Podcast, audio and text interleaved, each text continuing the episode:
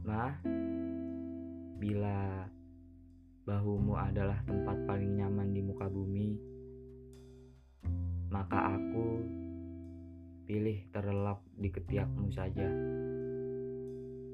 Karena aku betah berlama-lama di sana.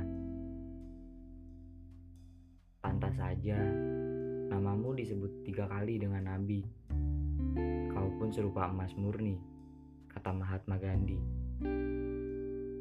Ma, mungkin kita butuh bahteranu untuk bisa menerjang derasnya air mata.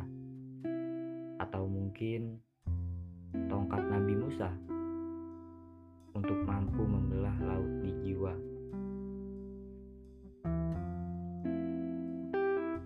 Dahulu, katamu tempat pulang paling nyaman adalah rumah.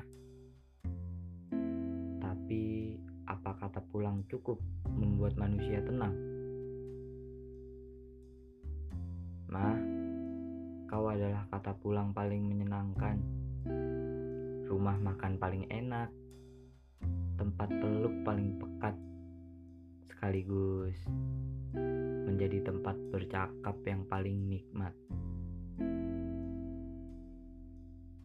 Karena bersamamu saja, bahagia yang tanpa habisnya takkan pernah reda.